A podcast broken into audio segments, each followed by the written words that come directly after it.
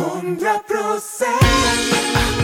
Hej och välkommen till Kärsjö Web Church och programmet Gudskontakt.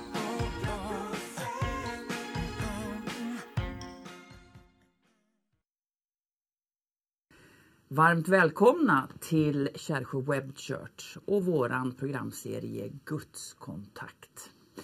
Ämnet för dagen är intressant Lennart, eller hur? Ja, det, vi fortsätter på temat Är Bibelns skapelseberättelse trovärdig och relevant? Mm. Och det är ju Jan-Olof Sundin som kommer att hålla i det och han gör ju ett otroligt bra arbete. Han har ju varit med tidigare i några tidigare program. Ja, och de programmen är väldigt uppskattade så berätta för dina vänner och bekanta om att Kärsjö Web Church har en serie kring Bibelns skapelseberättelse. Mm.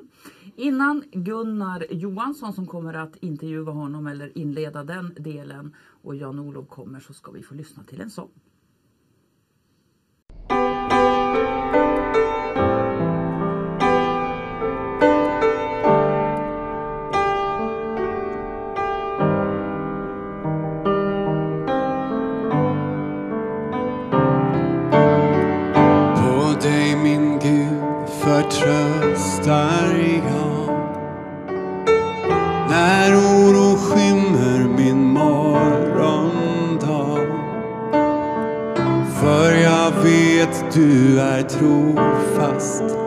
Emot mig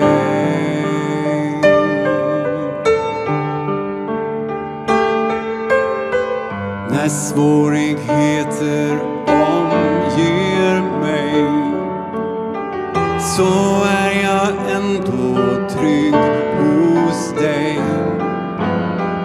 För jag vet att du aldrig lämnar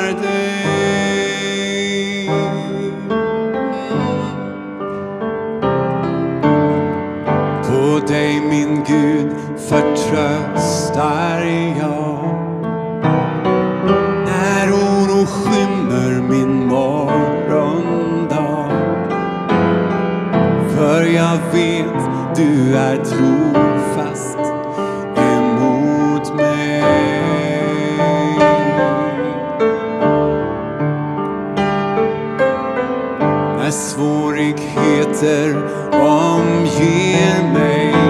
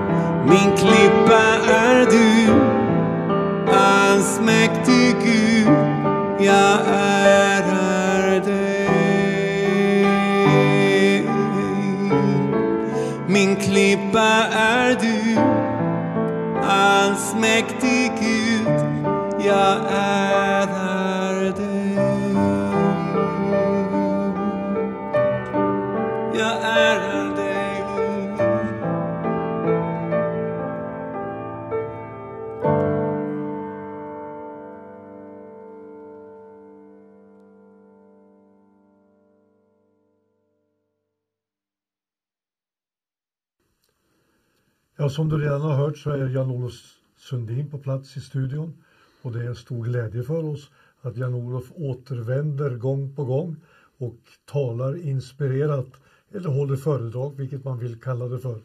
Och eh, Jan-Olof har ett mycket intressant tema som han har hållit sig till.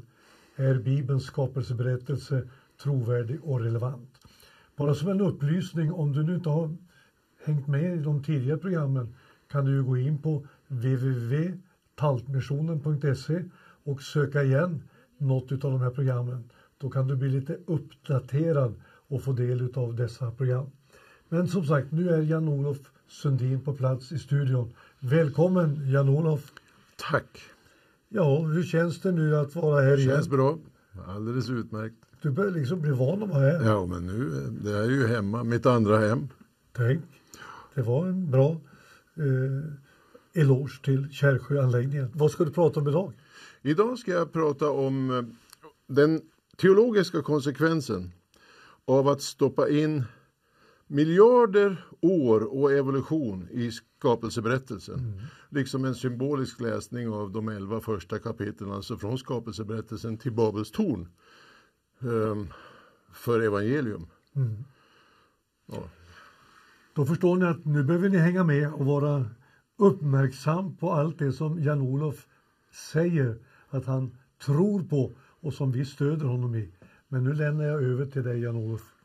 Tack, tack. Och jag ska inte undervisa, jag ska predika för er. Vänta ska ni få höra. Um, I det förra programmet, då såg vi ju, som jag hade, då, då såg vi hur, hur um, Eh, Adam och Evas son Sets släktlinje förde den sanna kunskapen om Gud vidare genom generationerna. Och mynnade ju i Noa som tack vare sin gudfruktighet och byggde arken räddade mänskligheten.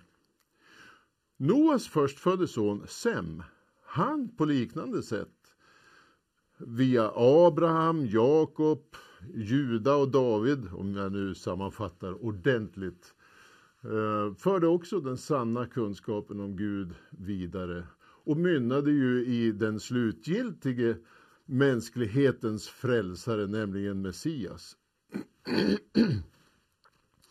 um, här skulle man kunna ställa mängd frågor naturligtvis. Men jag har tre frågor som jag vill ställa i syfte att fokusera och peka på vådan, den absolut fatala konsekvensen för evangelium av alla de här miljarderna som jag nyss har sagt eh, och evolutionen i skapelseberättelsen och kanske i synnerhet en symbolisk läsning av de första elva kapitlen. Ehm, konsekvenser som jag menar är svårligen bortse, det, går, det är svårt att bortse ifrån att de kan uppstå. Eh, därför att det leder till att Jesus blir en vanlig människa. Inte Gud, vilket han ju påstod sig vara. Och då är han ju en mentalsjuk med storhetsvansinne. Megalomani heter det ju. Ehm, noll förmåga och makt att genom döden ehm, betala priset för vår orättfärdighet och besegra dödens härskare.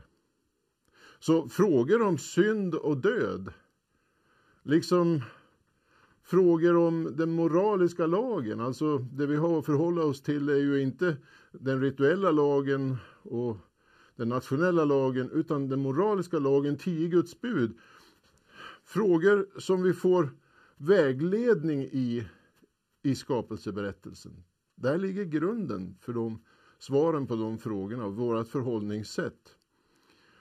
Så om vi läser de kapitlen som symbolisk text, vad är det då en människa som vänder om till Kristus i tro vänder om ifrån? Är det olika nationers, olika politiska majoriteters definition av moral? Eller är det Guds moral? Därför som sagt vill jag fokusera på tre frågor. Den första frågan är Vem är Messias? Och hur kom det sig att så pass många ändå kom till tro på att just Jesus är Messias? Eh, och den tredje frågan, varför måste Messias dö? Så om jag börjar med den första, vem är Messias? Så kan vi konstatera att Jesaja som levde för 2700 år sedan från idag, runda svängar. Han sa någonting mycket märkligt. Han sa att se, jungfrun ska föda en son och hon ska ge honom namnet Gud med oss. Va? Så Gud ska alltså vara med oss via en son, genom en son som föds av en könsmogen ung kvinna som ännu inte haft någon sexuell relation. Det måste vi ju säga är ett egendomligt påstående, uttalande. Men första gången det berättas för mänskligheten, det är faktiskt långt före Jesaja. Det är när Gud själv i direkt anslutning efter syndafallet eh, berättar för oss om sina planer och säger att kvinnans säd ska krossa ormen huvud. Alltså kvinnans säd i syfte att påpeka för oss att det kommer inte behövas någon man då. Så det är samma budskap, jungfrun, kvinnans säd. Men det går ju till så här att mannens sädescell befruktar kvinnans äggcell. Och det leder till avkomma. Så när folkbibeln då översätter den hebreiska texten som klart och tydligt talar om kvinnans säd till kvinnans avkomma, ja, men då missar vi ju kärnan i budskapet. Nämligen att när Messias ska födas, den slutgiltige frälsaren för mänskligheten, då är det kvinnans säd. Mannens del, alltså mannens sädescell, kommer inte att behövas. Det får vi veta av ordet kvinnans säd. Ehm.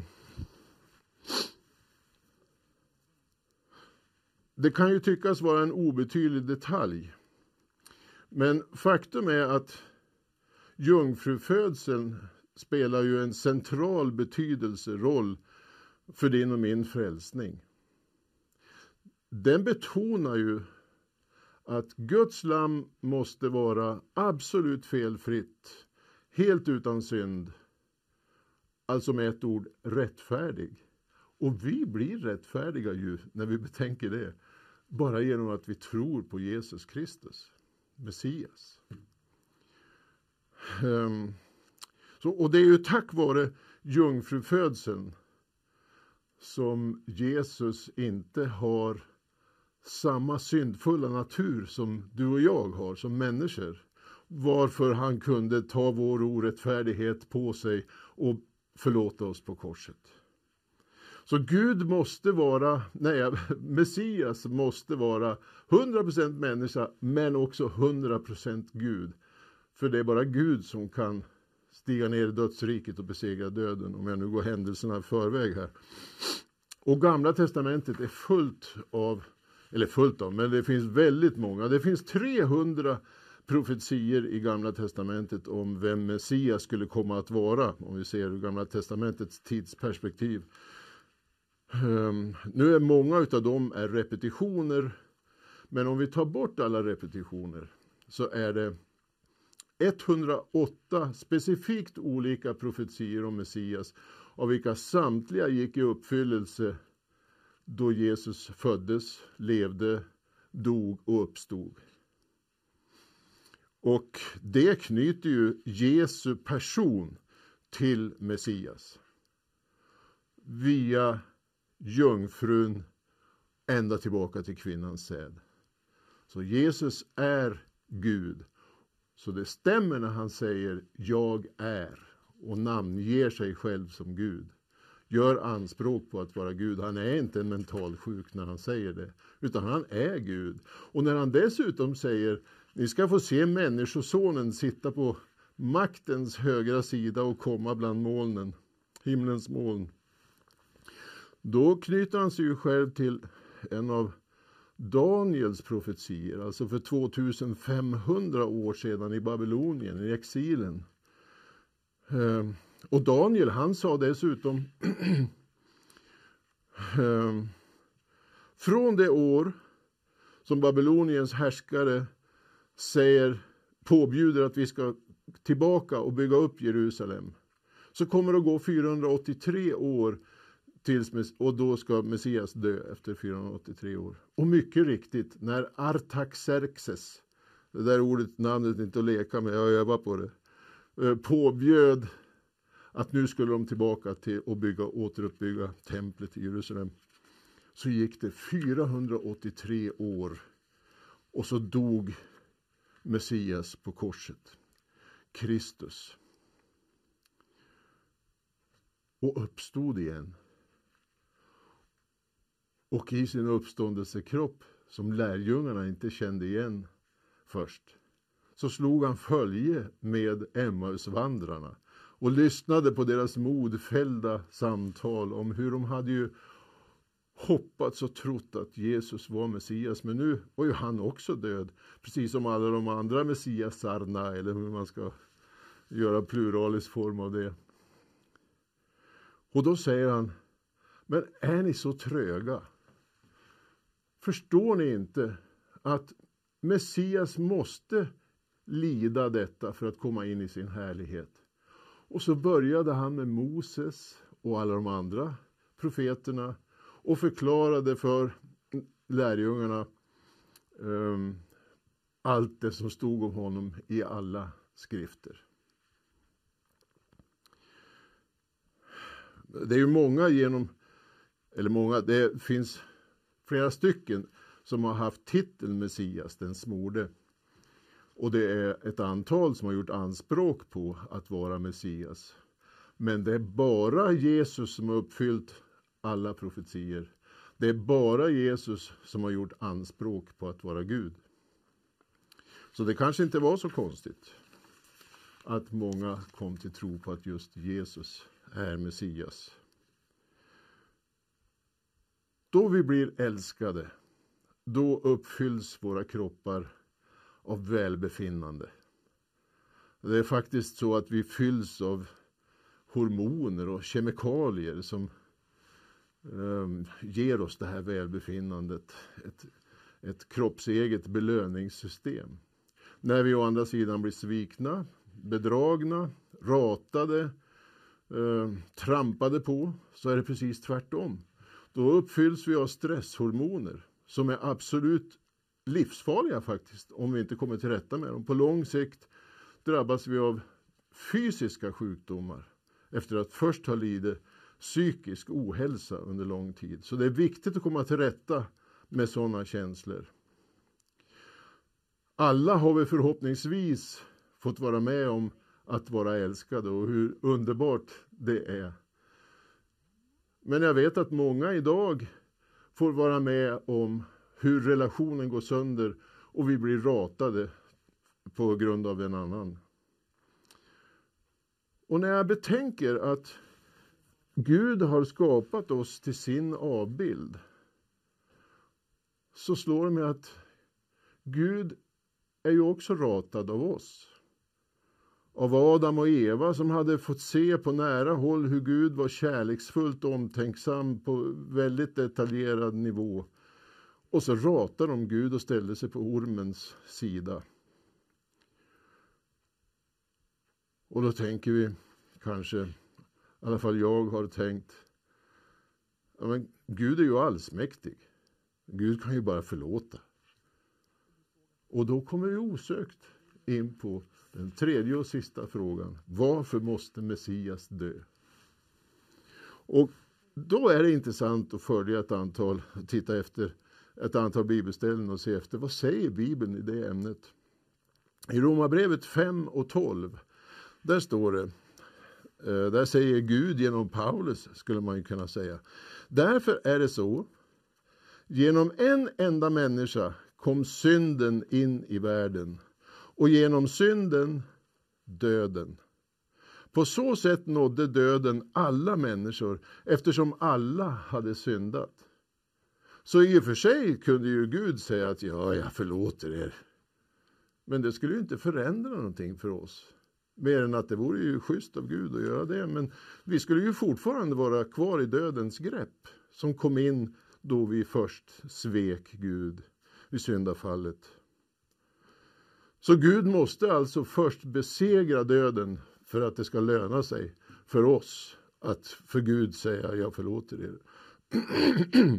Om vi läser vidare i första Petrus brev kapitel 3 och 18 versen så får vi ytterligare förklaring på det här.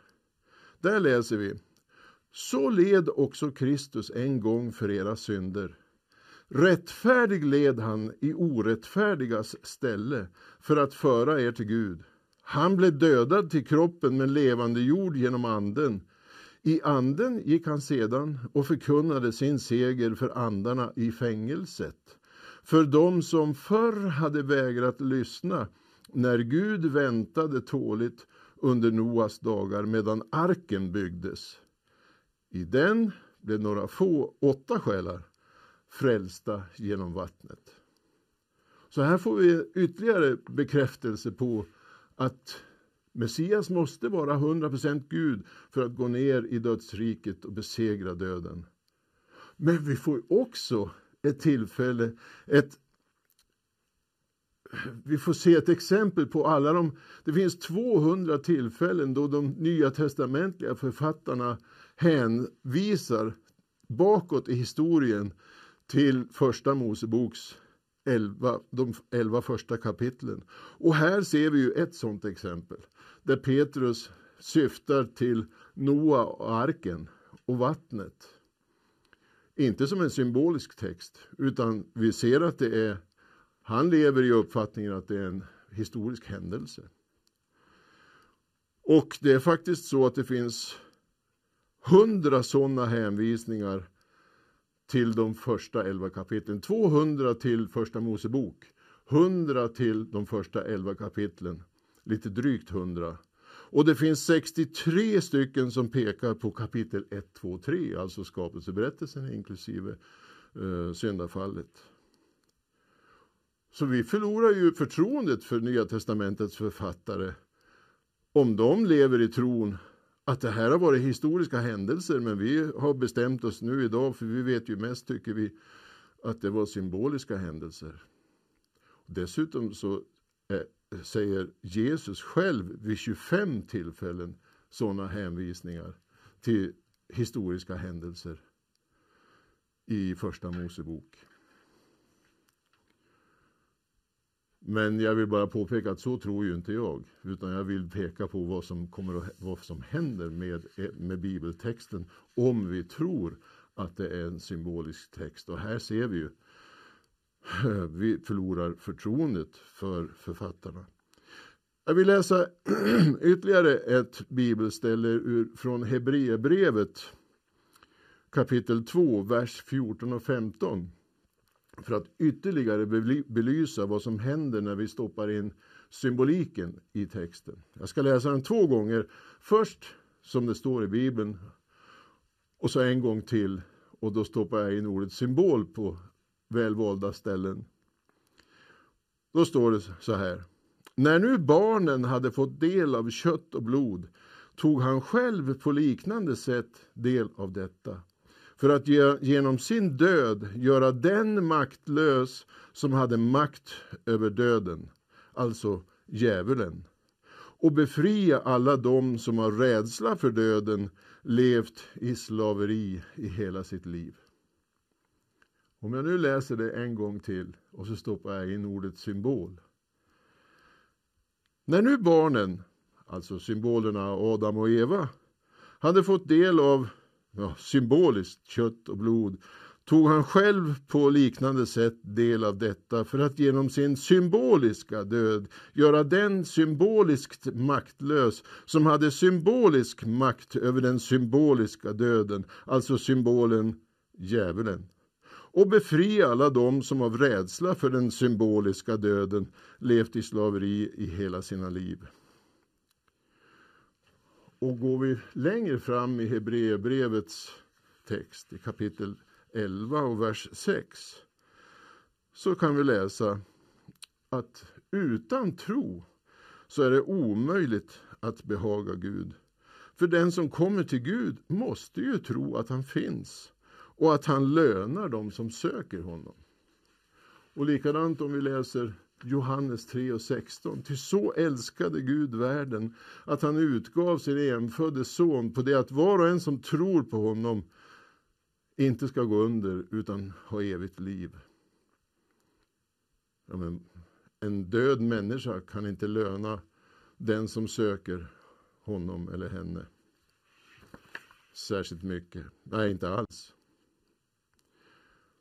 Så jag menar att om vi läser de första kapitlen, elva kapitlen, som en symbolisk text, så är det svårt att bortse ifrån det faktum att Jesus, som nu är död, han var en vanlig människa, men han har kopplats till legenden om Messias.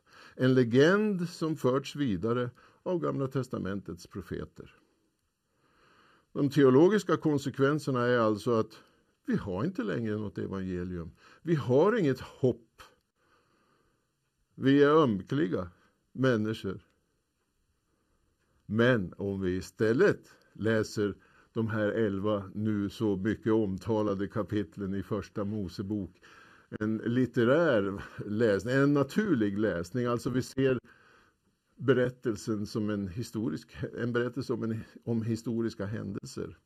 Då är det en alldeles underbar undervisning och insikt vi får när vi kommer till Efesierbrevets andra, andra kapitel och tionde vers. Där vi kan läsa Hans verk är vi, skapade i Kristus Jesus till goda gärningar som Gud redan från begynnelsen har planerat för oss.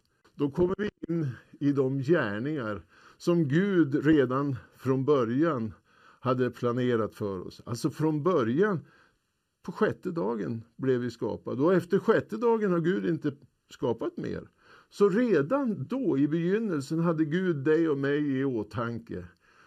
Och när vi gör Guds planerade goda gärningar så gör vi Guds vilja. Och Guds ord säger eh, den som gör Guds vilja ska leva i evighet. Amen. Ett stort tack Jan-Olof Sundin. Alltså det enda jag satt och tänkte på när jag sitter och lyssnar på det är Bibelns skapelseberättelse trovärdig och relevant? Jag skulle vilja skriva ett stort ja. Ja. Ett utropstecken. Ja, visst. Ja. Mm. Därför att det här är ju så tydligt som Jan-Olof har delat med sig av. Och eh, jag säger än en gång att det har varit en stor glädje och jag tror att det kommer ett ytterligare program. Det ser vi fram emot. Nej, jag menar, hur ska jag svara då? Ske dig som du tror. Ske dig som du tror. Ja. ja. Och som sagt, vi tackar för att ni har varit med oss och eh, ni har möjlighet att stötta det här fina. Ni kan ge en gåva, swishnumret till Tältmissionen. Eh, den har ni 123 036 7086. Alltså swishnumret är 123 036 7086. Eller om du vill ge på plusgiro 69 35 77-9. Och på det sättet tackar vi för oss härifrån idag. Välkommen åter att lyssna på Kärrsjö Web Church och ett nytt veckoprogram. 100%